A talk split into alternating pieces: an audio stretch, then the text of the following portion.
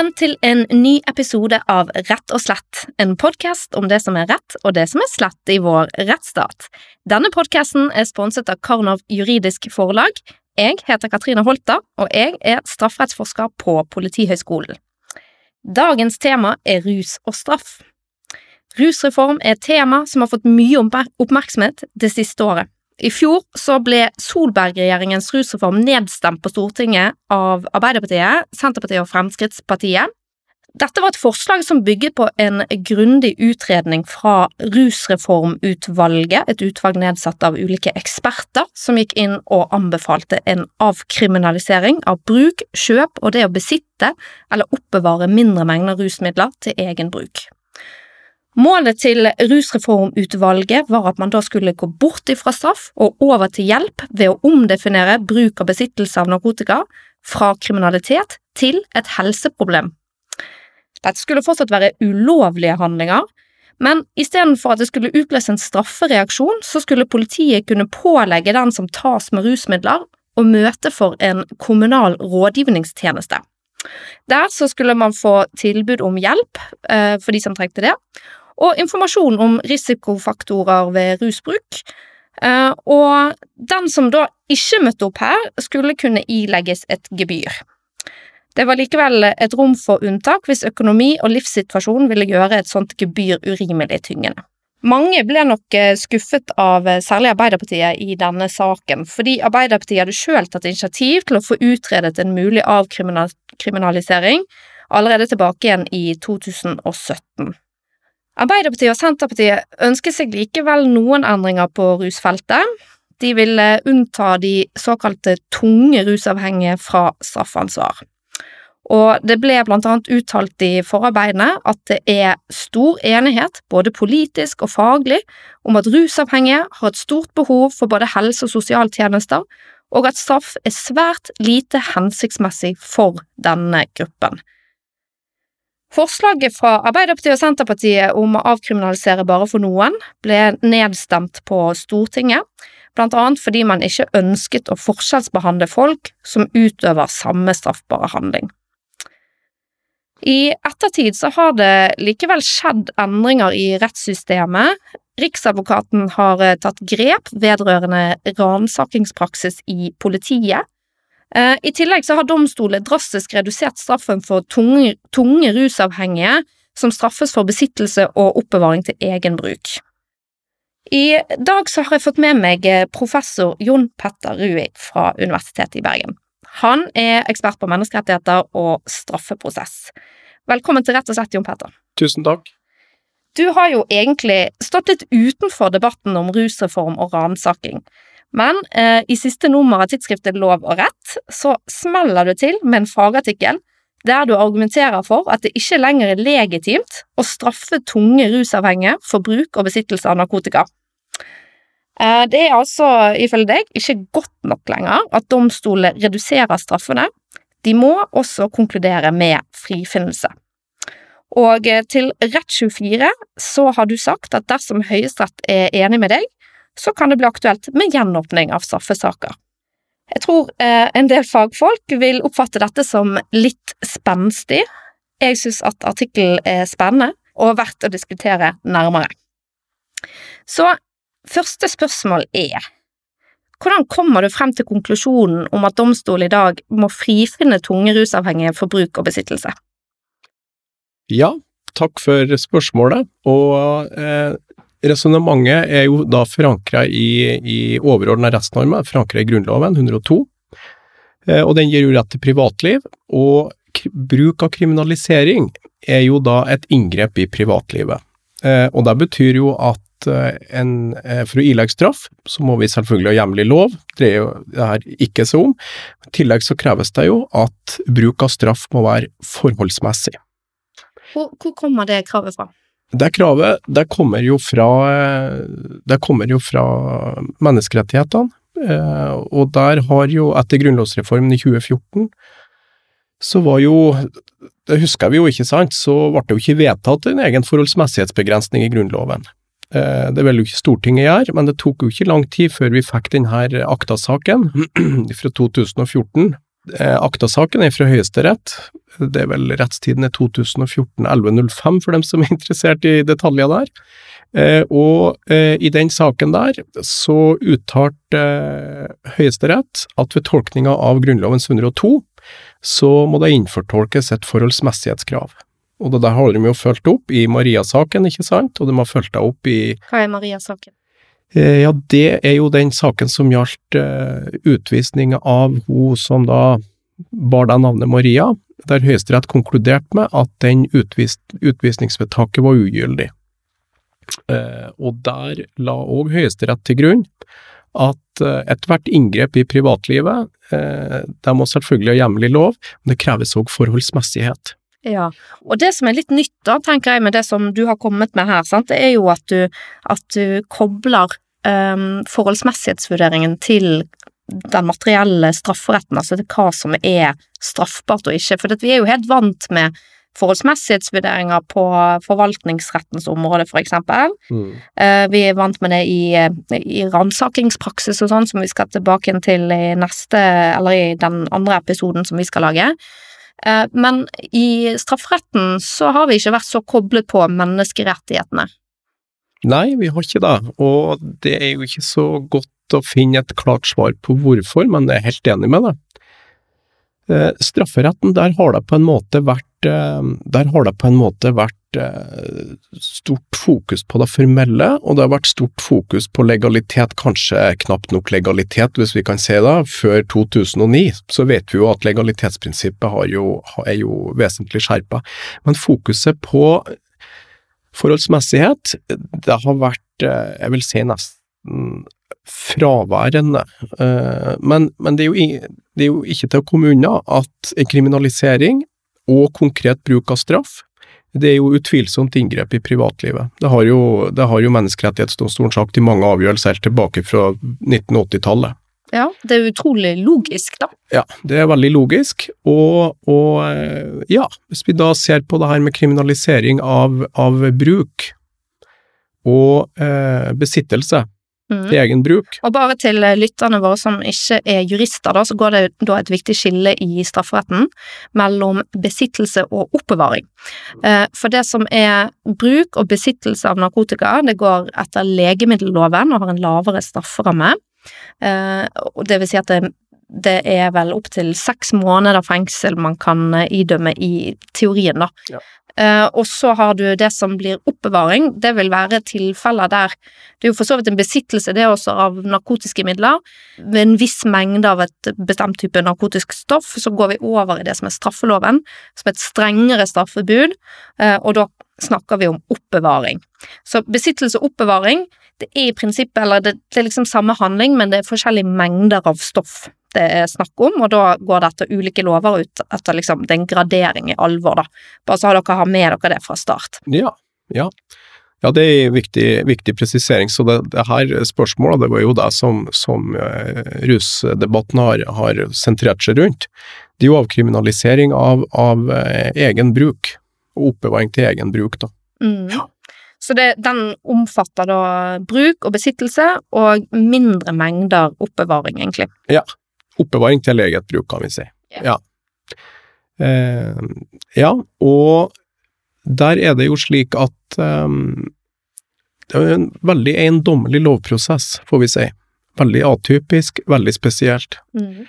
Eh, og du trakk jo opp eh, grensene her innledningsvis, og vi vet jo det som skjedde. Det var jo at eh, et flertall kom til at man ikke skulle eh, legalisere eh, bruk og besittelse egen bruk. Avkriminalisere, mener du? Ja. Legalisering blir noe annet. Det blir jo Beklager. Ja. mm. Eh, flertallet landa på den konklusjonen, men samtidig så var det brei enighet om at straff var svært lite egnet overfor tunge rusmisbrukere.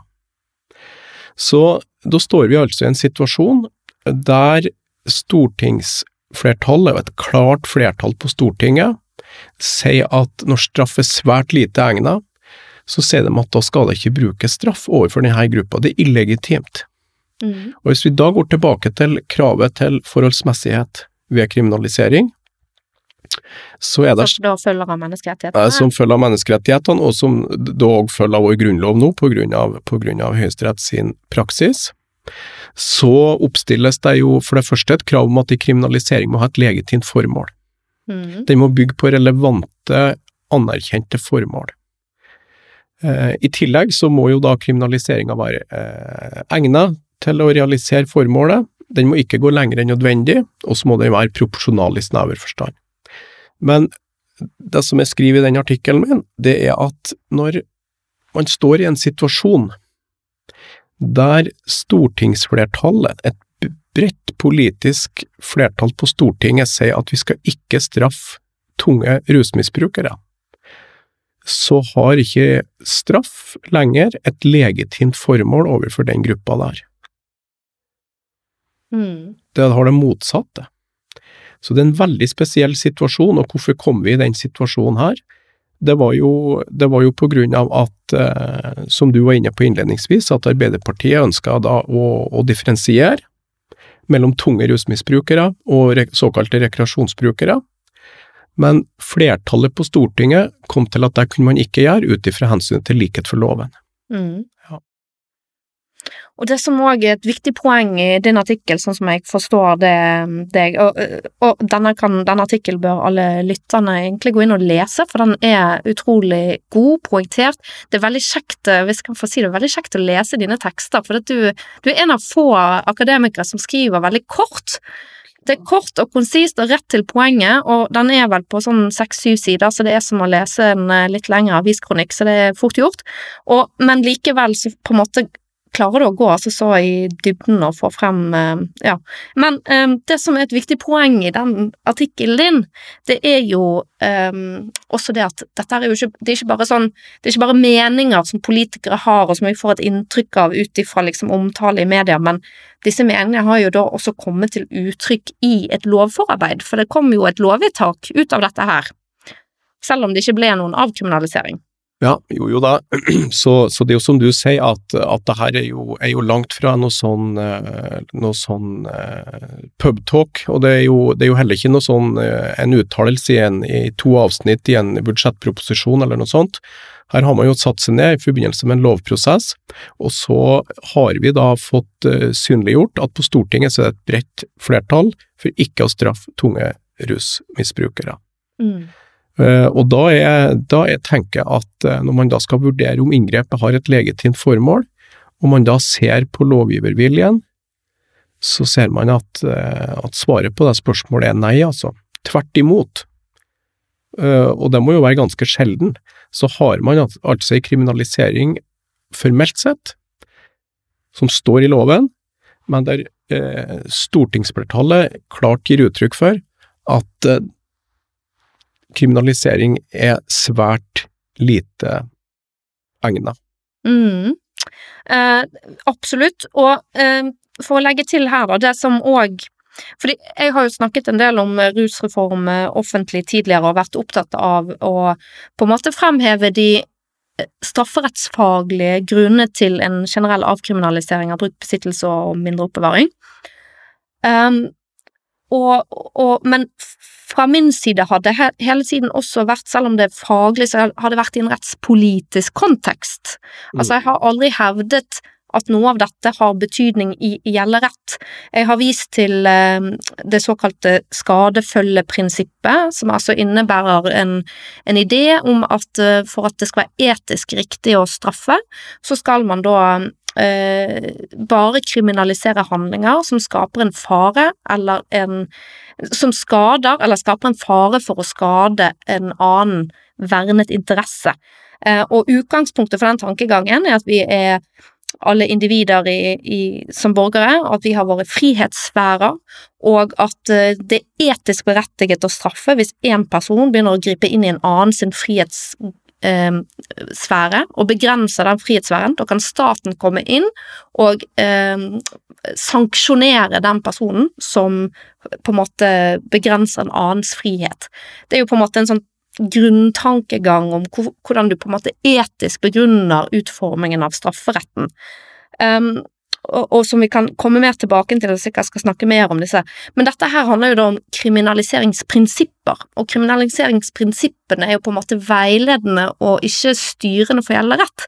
Men det du gjør, er jo da å, å gå inn og si at eh, forholdsmessighetskravet i menneskerettighetene kommer allerede inn her og setter begrensninger fordi at formålet det er ikke et legitimt formål. Ja, det er riktig, da. Og, og det er kanskje litt eh, uvanlig, får vi si, å, å trekke, inn, trekke, inn, det konstitusjonelle på den måten, men det er helt riktig som du sier.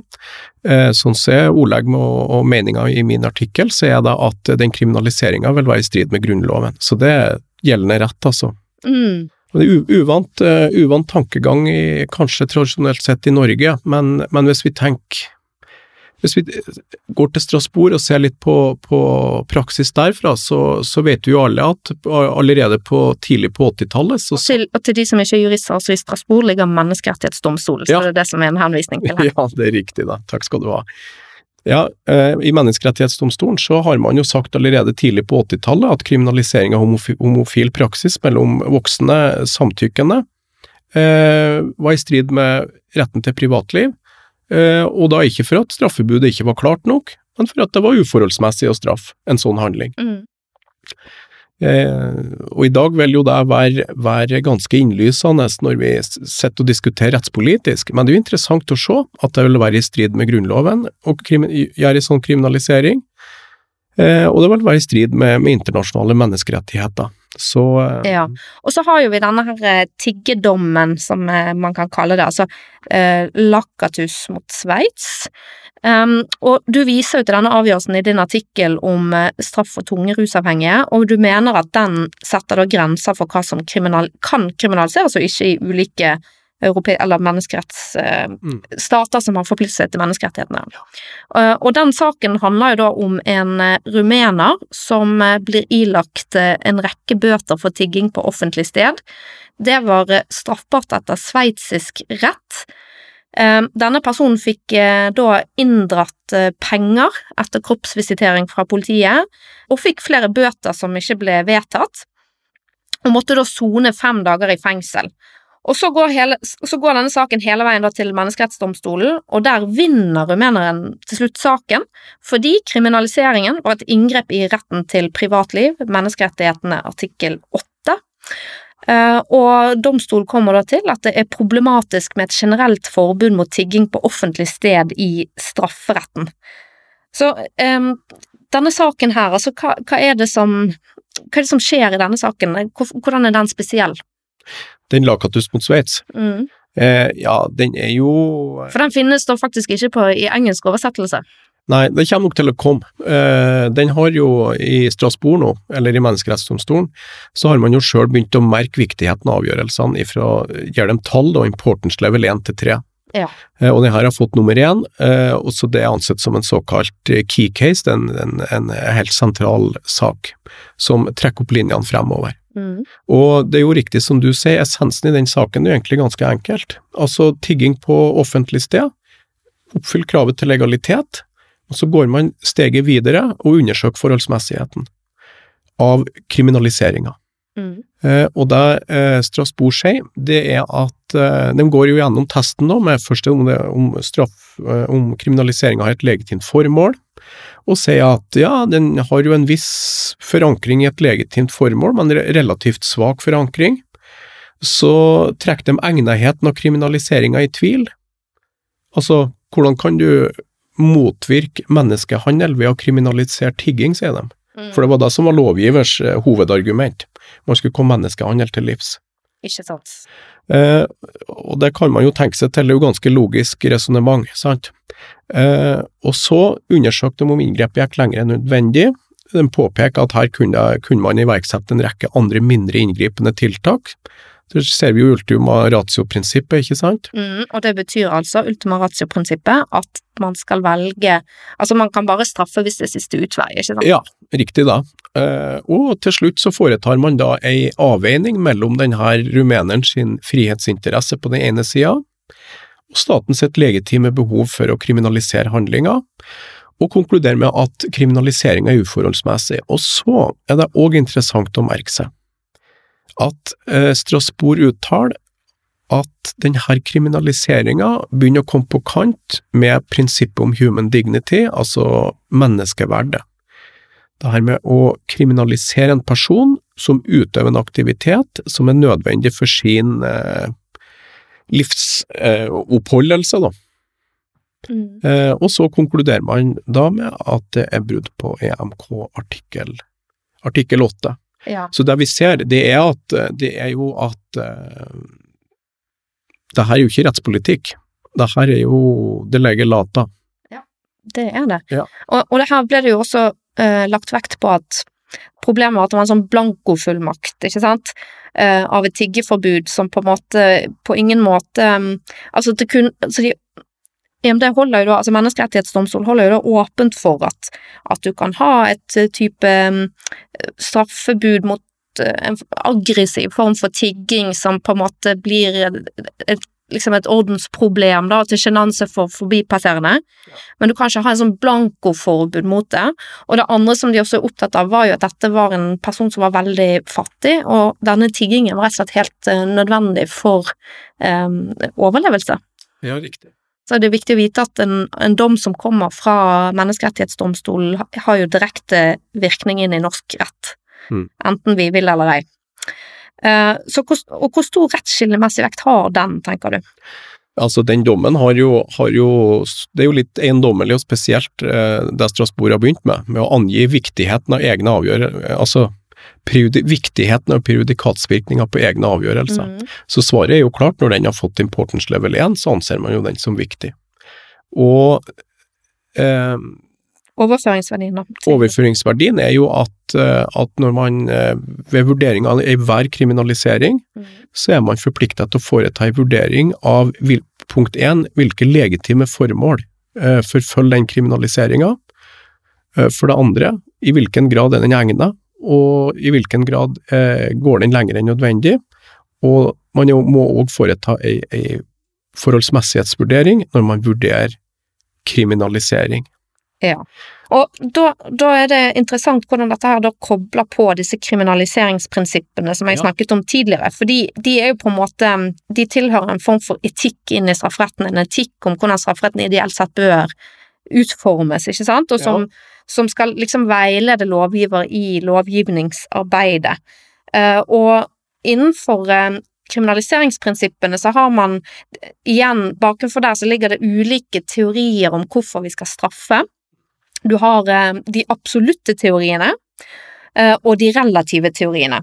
Og de absolutte teoriene, de er i sin art, altså der begrunner vi Vi begrunner straffen med at den skal være tilbakeskuende. Så det har skjedd noe, og så skal vi på en måte eh, se tilbake på det som har skjedd, og så er straffen en reaksjon på det som har skjedd. Eh, og eh, de relative teoriene er til motsats fremoverskuende, og de er typisk opptatt av prevensjon, sånn at eh, eh, hvis en person eh, gjør noe straffbart, så straffer vi den for å avskrekke andre fra også å gjøre straffbare ting. Mm.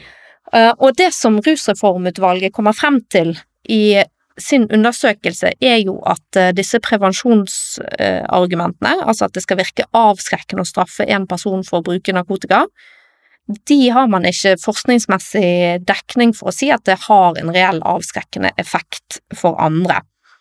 Uh, og, og så er det sånn at i Norge så har jo vi da, nå, Beklager, nå går vi litt inn i straffeteorien her, men Ja. i Norge så har jo vi ehm, hatt eh, Tradisjonelt så har vi vært opptatt av disse her prevensjonsargumentene.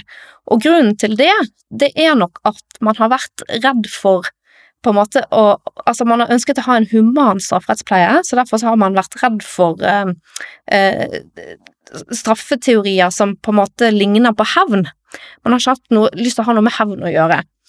Eh, men det har jo blitt mer eh, utfordret i nyere tid, der man sier at eh, de absolutte teoriene, jo, de inneholder visse varianter og visse typer teorier som er hevnorientert, men de har også teorier i seg som ikke handler om hevn, men som handler om ansvarliggjøring.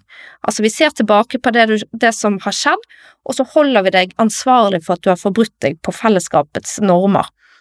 Um, og Uh, og det har jo blitt uh, mer Altså fått uh, Det har fått en slags liten renessanse, i hvert fall i strafferettsteorien i Norge, at ut ifra på en måte den absolutte teorien, sant, du skal ansvarliggjøre, så må det jo da være en skyld som er knyttet til den handlingen du har begått. Mm. Og da er det skadefølgeprinsippet som igjen kommer inn, og som blir kriminaliseringsprinsippet, og som sier at den skylden den foreligger hvis du skader en annens interesse og griper inn i en annens frihetssfære. Og da er det begrunnet at vi straffer, da. Så spørsmålet mitt eh, med denne lange utredningen her, som egentlig skulle bygge opp til noe, det, jo, det er jo egentlig det at man snakker om legitimt formål, ikke sant, men har det med disse teoriene her å gjøre, disse typer diskusjoner her, eller er det mer hva man har oppgitt, hva lovgiver konkret har oppgitt som en legitim begrunnelse? Mm. Ja, når det, gjelder, når det gjelder her kravet om legitimt formål, og det er ganske, hvis vi kan ta litt om det først, da, så er det jo interessant å se den nære sammenhengen det er mellom de kriminaliseringsprinsippene og forholdsmessighetsprinsippet. For når vi begynner å spalte opp, og vi ser at eh, hvis at et inngrep skal være, skal være eh, forholdsmessig, så er det bygd på legitime formål. Det betyr at du kan ikke kriminalisere på irrelevante formål. Det må være et relevant formål. Og der ser vi jo at hvis vi da går i kriminaliseringsprinsippene, så finner vi skadefølgeprinsippet. Skadefølgeprinsippet er egentlig en presisering av kravet til legitimt formål nasjonalt, som sier at vi kriminaliserer som hovedregel og utgangspunkt kun handlinger som eh, medfører konkret skade. Ja, og dette her er jo nedfelt i forarbeidene til straffeloven vår, Riktig. men i de samme forarbeidene så gikk jo da lovgiver inn for å videreføre straffebudet mot bruk og besittelse av narkotika.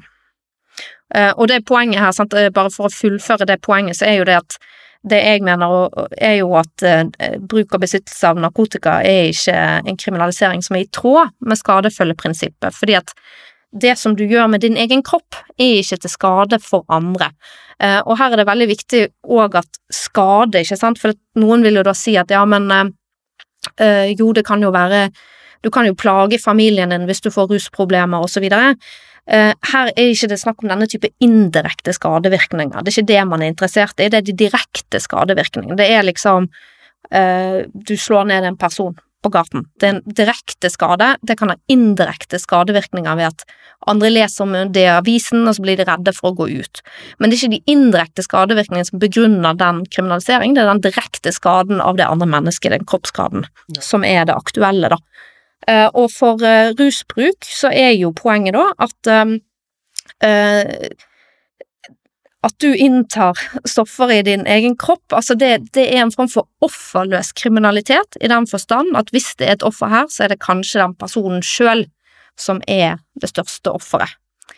Uh, og, og, det er også da viktig, sant, altså at når man snakker om kriminaliseringsprinsipper, så må man holde på at det skal være en viss terskel for hva som også utgjør en skade, fordi hvis ikke så, så tømmer det jo prinsippet for innhold, og da blir det liksom helt meningsløst å drive med prinsipptankegang i det hele tatt, da.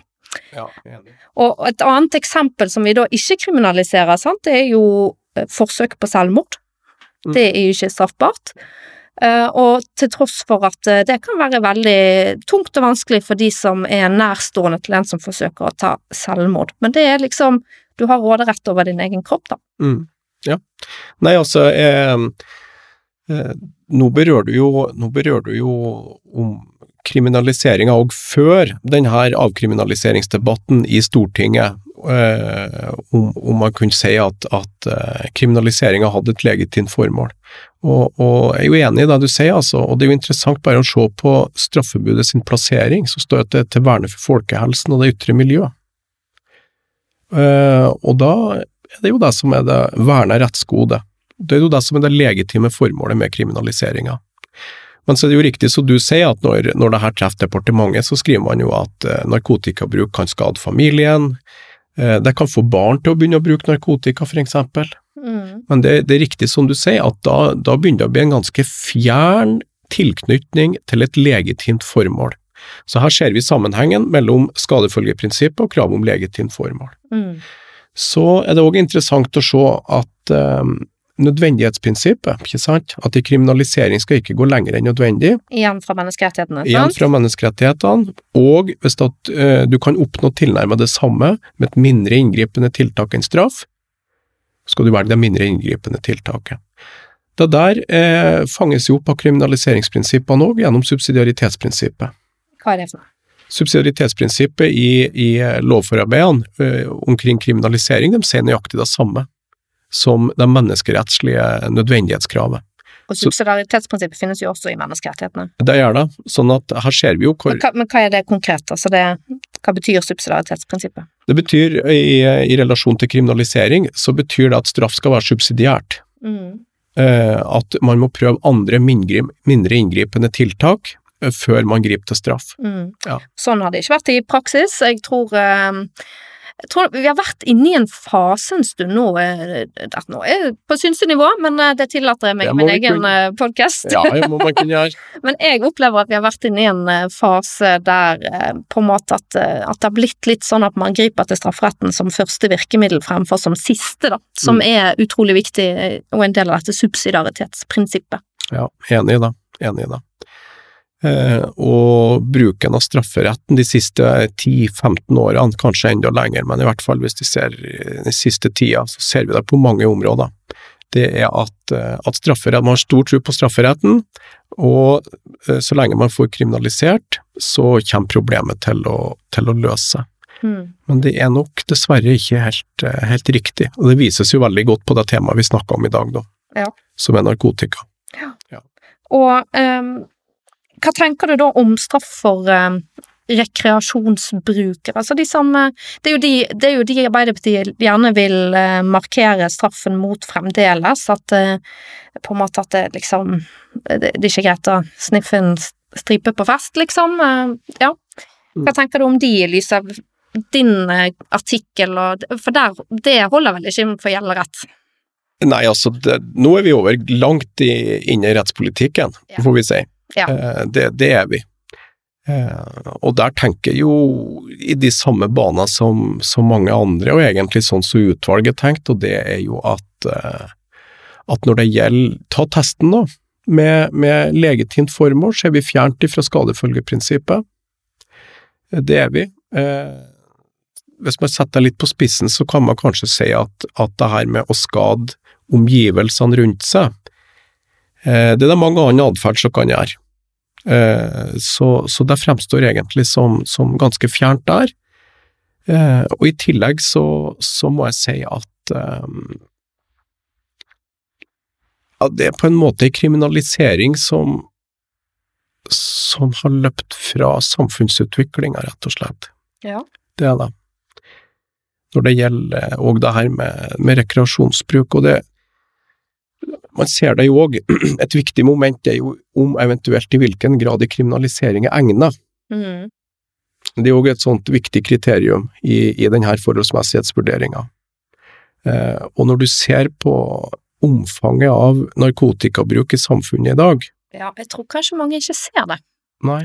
Men det er jo utrolig utbredt, og i yngre miljøer er mitt inntrykk at det er svært vanlig Ja. med narkotiske stoffer på fester. Ja. Kanskje ikke så mye min generasjon, men eh, generasjonen under. Det, det er nok eh, sikkert, jeg vet heller ikke helt, men, men, eh, men det er nok treffende. Og da ser man jo at en, å ha en, en streng strafferett rundt det her, det har jo da ikke hjelpa, og da ser vi at kriminaliseringa egentlig er uegna til å realisere formålet Ja. rett og slett. Ja. Og så har du da problemet med at når du kriminaliserer, så tar du bort Sånn at vi har jo en gitt mengde ressurser vi kan bruke på et samfunnsproblem. Eh, og det er jo det rusreformutvalget er inne på òg, at i stedet for å bruke det i strafferettspleien, så må man kanskje bruke det på et, på et annet område, da.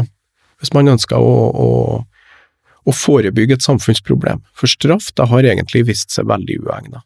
Mm. Det har det, altså. Hva tenker du da om eh, Arbeiderpartiet og Senterpartiet? Altså, eh, Fremskrittspartiet ønsker vel ikke å avkriminalisere for noen, Nei. men Arbeiderpartiet og Senterpartiet, de, de eh, har jo åpnet dette her for tunge rusavhengige, og, og du mener jo at fordi det da inngår i disse forarbeidene at alle anser denne kriminaliseringen som uhensiktsmessig, så, så er det etter gjeldende rett ikke lenger straffbart. Eh, men eh, hva tenker du om Arbeiderpartiets og Senterpartiets rusreform som i denne ideen om at de skal differensiere. Mm. Er den gjennomførbar? Ja, altså alt er jo gjennomførbart, men spørsmålet er om det, om det er hensiktsmessig sånn, sånn rettspolitisk. Mm. Og, og der må jeg jo si at eh, etter min vurdering så fremstår det som, som eh, Jeg synes fortsatt det er veldig vanskelig å se at, at kriminalisering av leilighetsbrukere av narkotika eh, at, det er, at det er egnet til å ivareta et legitimt formål, og at det er proporsjonalt, altså. Ja. Det må jeg si. Og hvis man da skulle ha denne løsningen til Arbeiderpartiet, og få den gjennomført eh, også mer formelt, da, Mm. Hva, hva ville være utfordringene for den løsningen? Altså, for jeg har jo jeg har blant annet skrevet en tekst sammen med Morten Holmboe i eh, Klassekampen når denne debatten sto på, og vi var jo opptatt av blant annet forutsigbarhet. Eh, hva er en tung nok eh, rusbruker? Mm. Avhengighet er et utrolig sånn komplekst eh, fenomen eh, som, som kan vokse og avta og eh, du kan på en måte bli frisk, og så tilbake, plutselig har du tilbakefall, og når er du på en måte avhengig nok? Men så er det jo også det her eh, eh, moralske budskapet, da, med en sånn type avkriminalisering at bare du bruker nok til å bli skikkelig avhengig, Mm. så får du frikort. Ja, ja, det er spesielt, jeg er enig det. Og, og sånn eh, prinsipielt sett så tenker jeg at, eh, at sondringer rettspolitisk er veldig uheldig. På, på, blant annet på bakgrunn av det du sier der, men òg eh, hvis, hvis man skal holde seg med en, med en eh, liberal rettsstat, så, så er det noe, det er noe paternalistisk over, over den der kriminaliseringa og den der måten å gå frem på. Ja, utvilsomt. Det, det må jeg si.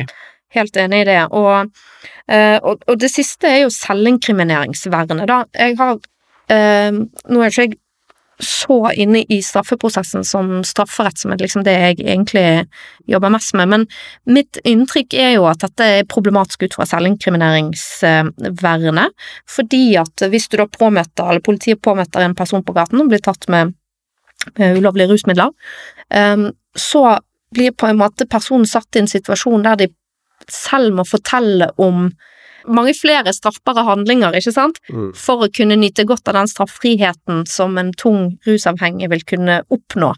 Eh, og vi har jo da selvinkrimineringsvernet, som da kanskje du, du kan jo forklare hva som ligger i det? Ja, i selvinkrimineringsvernet går jo ut på at eh, når du er mistenkt for en straffbar handling, så har du rett til å forholde fullstendig taus. Ja. Og ikke bidra og til ikke egen. bidra til din egen domfellelse. Mm. Det er det selvinkrimineringsvernet går ut på. Og det vil jo ikke være gjennomførbart hvis du må nødt til å fortelle om, eller hvis du på en måte skal få denne straffriheten, der du må nødt til å fortelle om flere straffbare handlinger for å kunne ha sjanse til å oppnå det. Eh, Det vil i hvert fall komme i, i press, det får vi si. Så man må jo da tenke seg en situasjon der, der eh, er vi pågrepet da, og så sier jeg ja, men jeg har brukt, eh, jeg har brukt det her hver eh, dag nå i, i to år. Mm.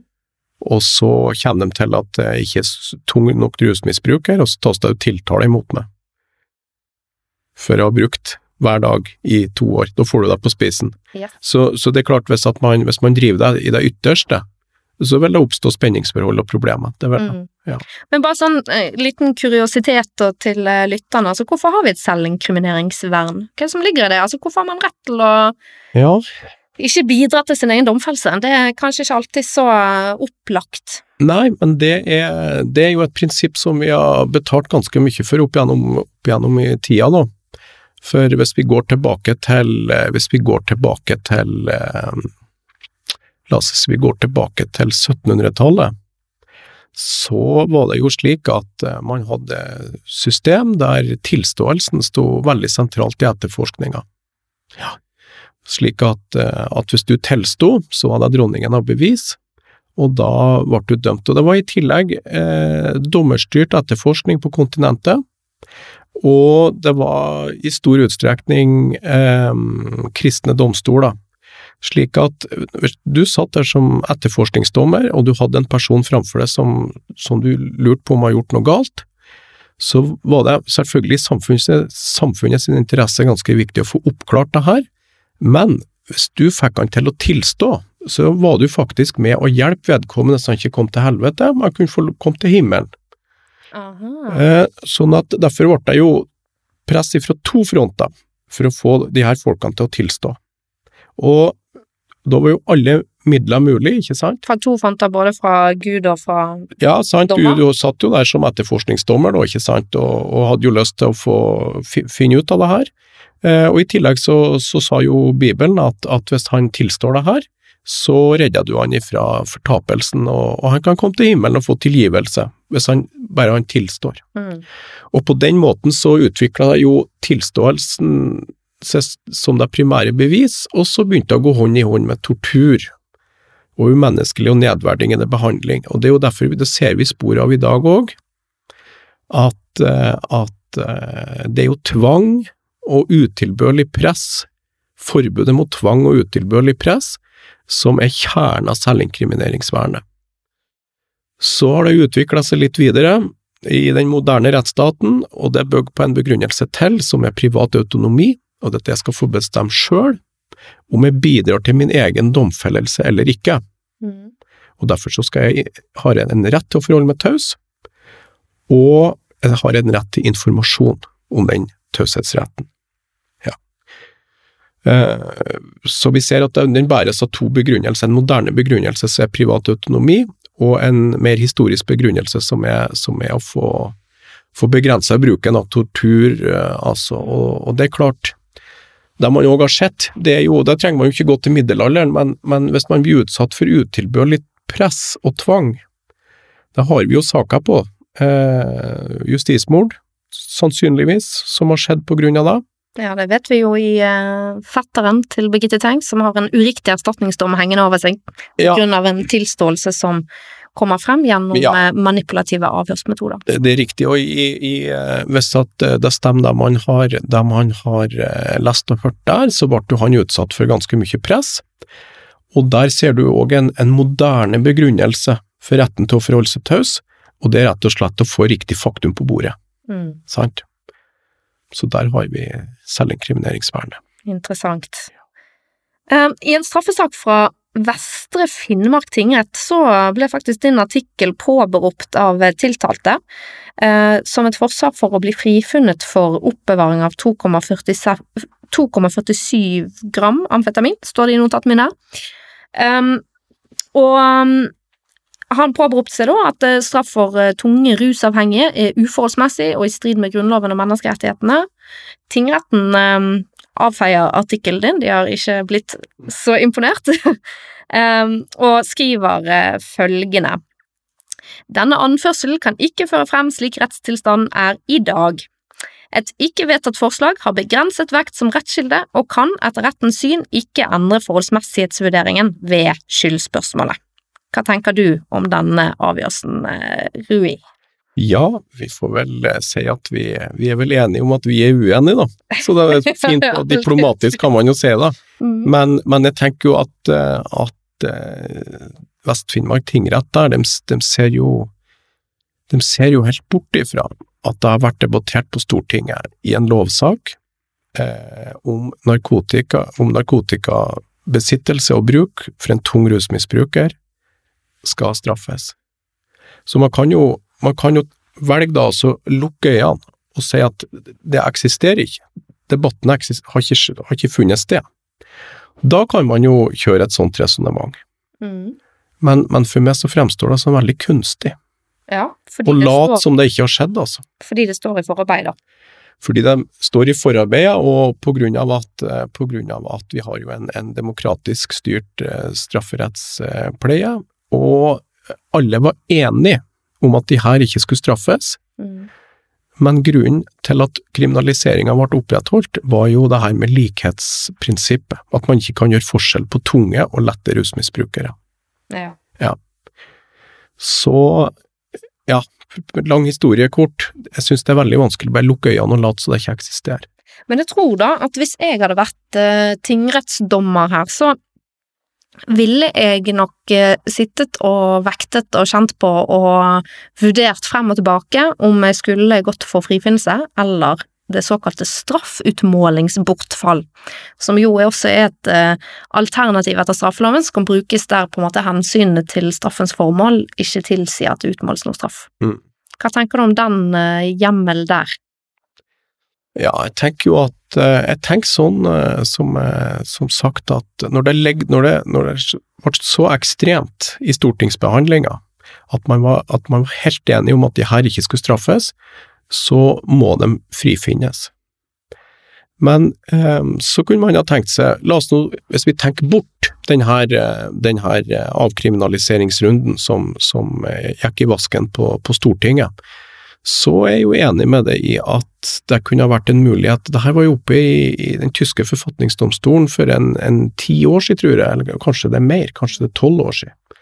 Tyskland har altså en sånn egen grunnlovsdomstol, og Ja. det er noe vi ikke har i Norge. Nei, det har jo de fleste, 32 av de 47 medlemslandene i Europarådet har jo en konstitusjonsdomstol, så vi er jo da i, i mindretall. Men uansett, eh, dem og i, i, eh, i Tyskland så var eh, begrunnelsen for kriminalisering av eh, egen bruk stort sett de samme som i Norge.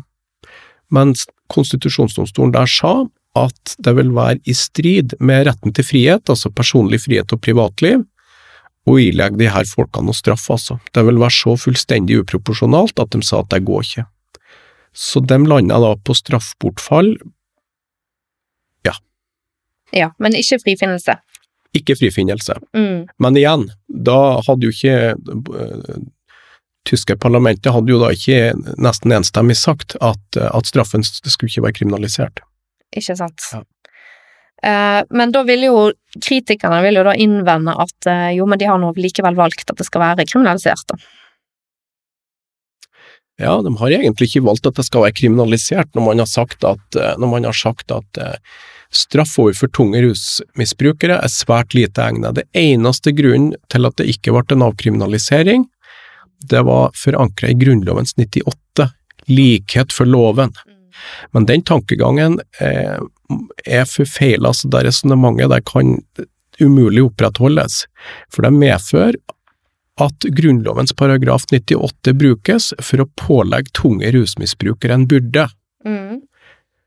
Og det er ikke meninga med noen grunnlovsbestemmelse at, at ei gruppe skal pålegges en byrde, at, altså at man straffer dem for å kunne, for å kunne opprettholde kriminaliseringa mot en annen gruppe mennesker. Mm. Ja.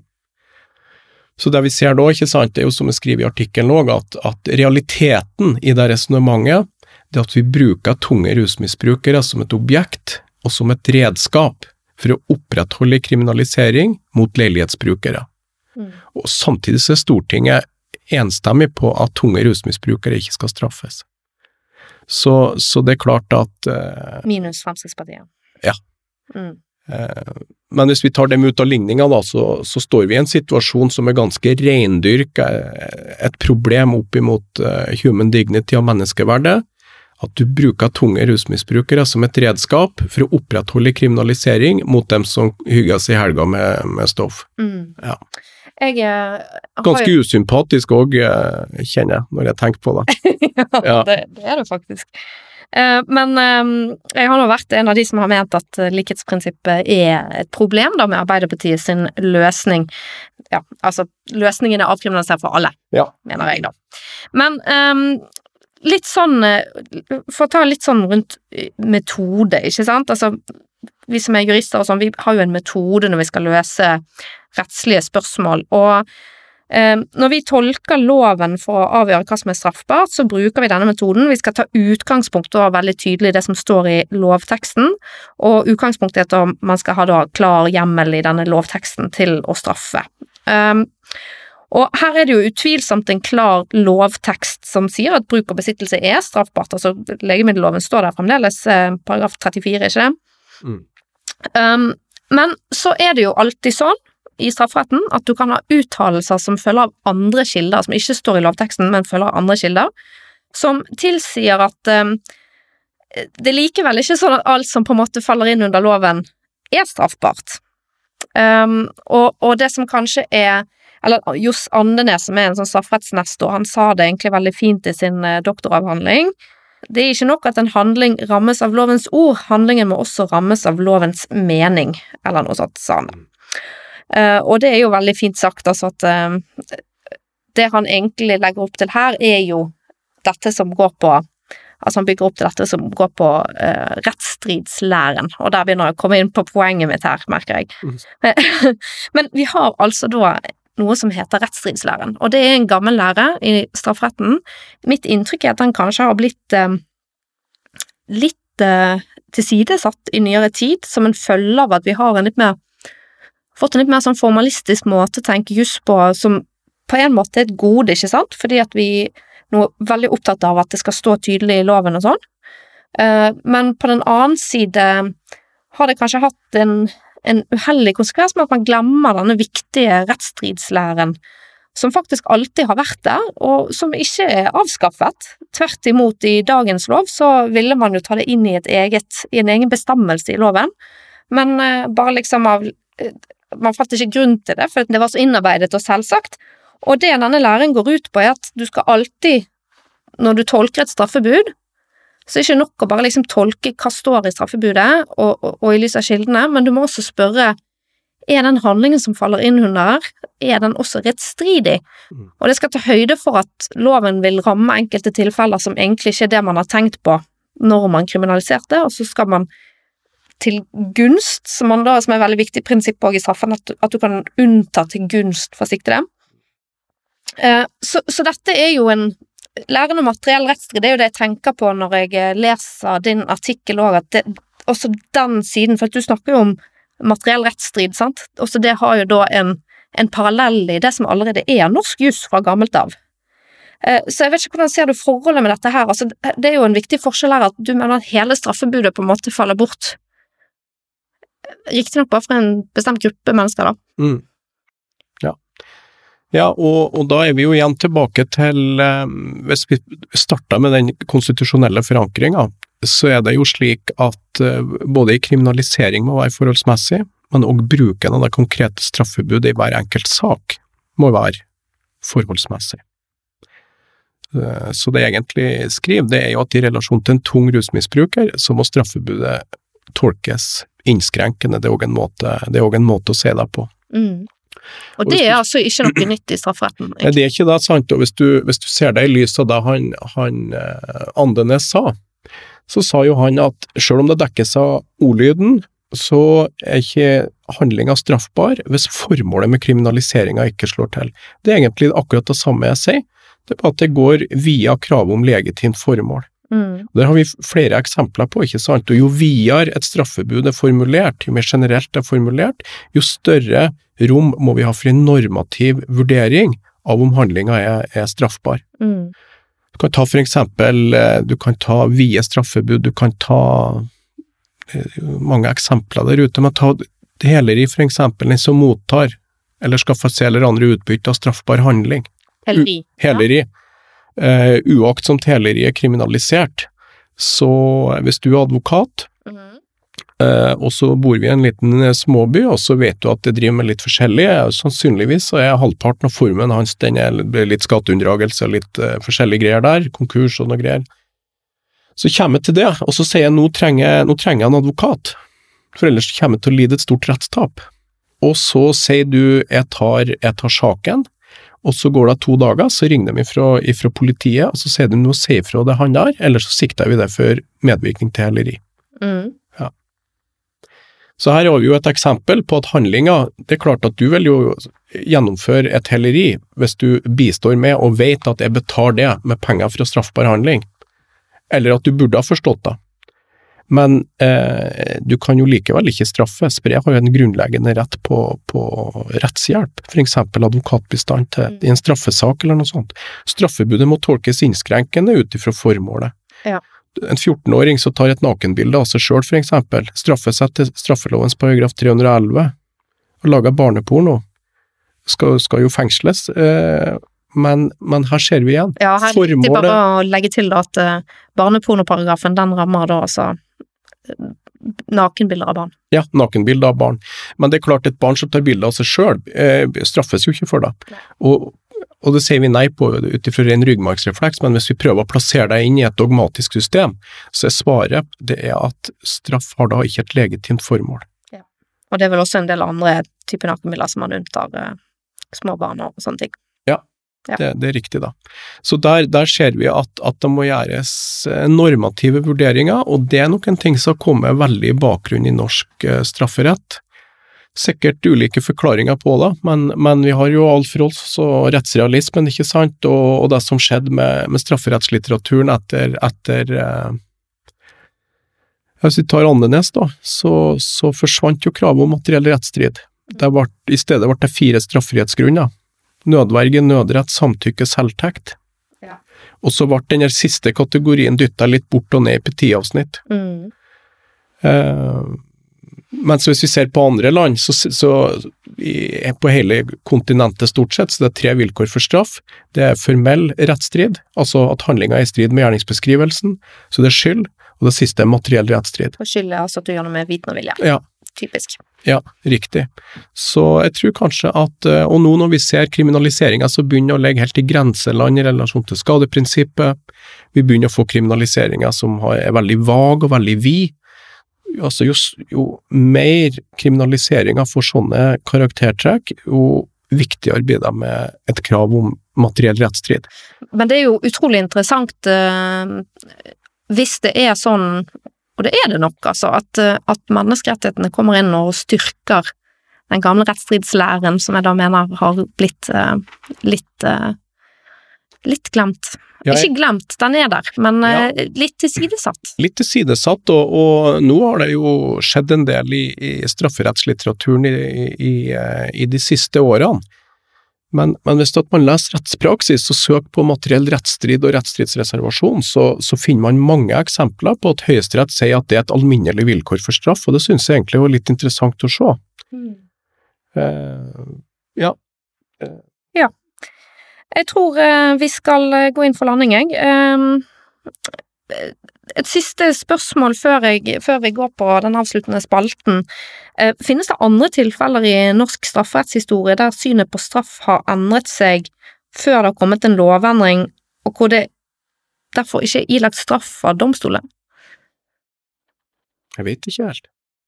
Nei, jeg tenker litt på pornografi, ja, det er et eksempel. Det ble vel en avkriminalisering av Høyesterett i praksis? Ja, for alle praktiske formål, så det er sant. Det har du mm. rett i. Mm. Mm. Greit, så avslutningsvis så spør jeg alle mine gjester om det er noe de vil fremheve som de syns er rett eller slett i vår rettsstat. Ja. Vær så god. Takk. Eh, et, ja, man kunne jo ta tak i, i ulike ting. Vi skal ta, begynne, med, begynne med litt, litt, ris først, og så tenker jeg jo at um, advokatene har jo en utrolig viktig posisjon i strafferettspleien, og den situasjonen de står i, den er jo svært uheldig med at de ikke får ordentlig respektabelt betalt for den jobben de gjør. Det her er min hjertesak. Ja, og det er viktig, og det, det, er ikke noe sånn eh, Man kan se til Danmark, du kan se til Sverige, du kan se til Tyskland, du kan se til ethvert annet land. Sammenligne, sammenligne verdsettelsen der, altså. Så så det er vel noe som vi kanskje må, må si er, er slett, mm. rett og slett.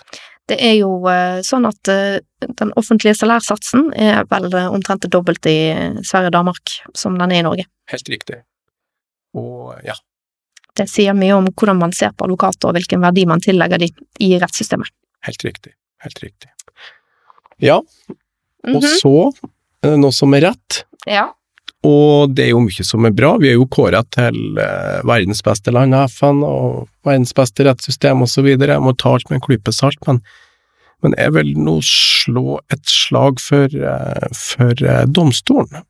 Og behandlinga i domstolen i, straffesak. Jeg har sett på ulike land, vært i, tatt en tur innom om retten når jeg har vært i ulike land. Og jeg må si at jeg syns eh, det står respekt av måten straffesaker i hovedforhandling eh, behandles på hos oss, det er jeg litt stolt av. Det er jeg helt ja. enig i, faktisk. Ja. Helt enig. Ja. Vi har kjempegode domstoler i Norge. Jeg syns det. Yes, det var eh, det vi hadde for i dag. Tusen takk for at du var med her, Jon Petter Rui. Og tusen takk til dere som har lyttet til oss. Da er vi tilbake igjen eh, i neste uke med en ny episode om noe som er rett eller slett i vår rettsstat. Og husk å abonnere på denne podkasten for all del. Abonner, abonner, abonner, og fortell om oss til en venn, sånn at vi kan nå ut bredere. Vi sier jeg, men det er jo primært meg, da, men med Karnov som sponsor.